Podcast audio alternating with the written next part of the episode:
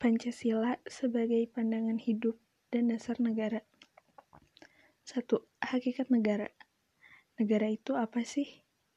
Menurut Diponolo, negara adalah suatu organisasi yang berdaulat yang dengan tata pemerintahan melaksanakan tata tertib atas suatu umat di suatu daerah tertentu. Terdapat tiga unsur yang menjadi syarat mutlak bagi adanya negara, yaitu satu unsur tempat atau daerah, wilayah, atau teritorial. Yang kedua, unsur manusia atau masyarakat, rakyat, atau bangsa. Yang ketiga, unsur organisasi atau tata kerjasama dan tata pemerintahan. 2. Dasar negara Tujuan dasar negara itu apa?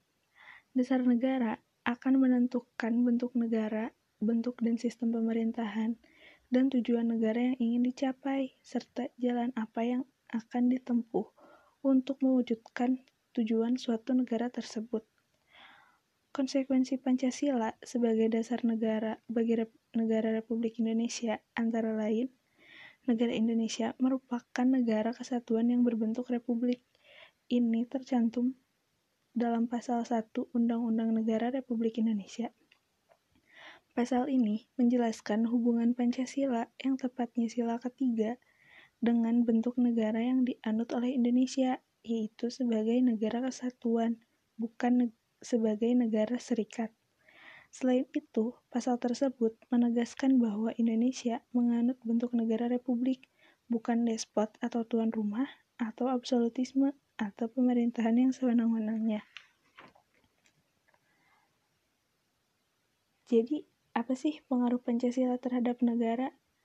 Konsep negara republik ini sejalan dengan sila kedua dan keempat Pancasila, yaitu negara hukum yang demokratis.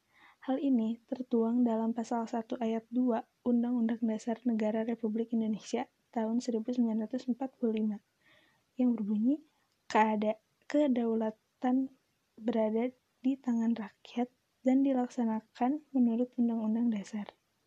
Ini menegaskan bahwa negara Republik Indonesia menganut demokrasi konstitusional, bukan demokrasi rakyat seperti yang terdapat pada konsep negara-negara komunis. Jadi, apa saja sih tujuan negara itu? Lima hal ini merupakan intisari yang disarikan dari Diponolo. Satu, kekuatan, kekuasaan, dan kebesaran atau keagungan sebagai tujuan negara.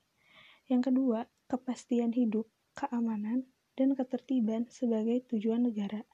Yang ketiga, keadilan sebagai tujuan negara. Yang keempat, kesejahteraan dan kebahagiaan hidup sebagai tujuan negara. Yang kelima, kemerdekaan sebagai tujuan negara. Tujuan yang ingin dicapai oleh setiap orang mungkin sama, yaitu kesejahteraan dan kebahagiaan.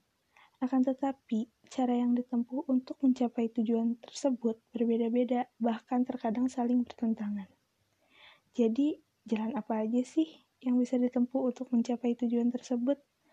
Apabila disederhanakan, tujuan tersebut digolongkan ke dalam dua aliran, yaitu satu aliran liberal individualis. Aliran ini berpendapat bahwa kesejahteraan dan kebahagiaan harus dicapai dengan politik dan sistem ekonomi liberal melalui persaingan bebas. Yang kedua, aliran kolektivis atau sosialis. Aliran ini berpandangan bahwa kesejahteraan dan kebahagiaan manusia hanya dapat diwujudkan melalui politik dan sistem ekonomi terpimpin atau totaliter. Jadi, benar benar nggak sih Pancasila itu diperlukan sebagai dasar negara. Apa aja sih buktinya jika Pancasila itu perlu dijadikan dasar negara Indonesia? Jawabannya iya. Pancasila itu ibarat jalan aspal yang memberikan arah ke mana kendaraan dapat berjalan, tetapi dalam waktu yang singkat kendaraan itu akan cepat rusak. Oleh karena itu, Pancasila merupakan pandangan hidup dan kepribadian bangsa yang nilai-nilainya bersifat nasional, yang mendasari kebudayaan bangsa, maka nilai-nilai tersebut merupakan perwujudan dari apresiasi atau cita-cita hidup bangsa. Pancasila memberikan arah tentang hukum harus menciptakan keadaan negara yang lebih baik dengan berlandaskan pada nilai-nilai ketuhanan, kemanusiaan, persatuan, kerakyatan, dan keadilan. Lalu, apa saja sih sumber-sumber tentang Pancasila sebagai dasar negara? Ada empat sumber ada empat sumber tentang Pancasila sebagai dasar negara. Yang pertama sumber sumber yuridis. Pancasila merupakan sumber dari segala sumber hukum negara. Yang kedua, sumber historis. Pancasila merupakan hasil karya bersama dari berbagai aliran politik yang ada di BPU PKI. Yang ketiga, sumber sosiologis. Pancasila bersumber dari budaya masyarakat Indonesia sendiri. Yang keempat, sumber politis Pancasila menjadi perwujud menjadi landasan etik dalam kehidupan politik bangsa Indonesia.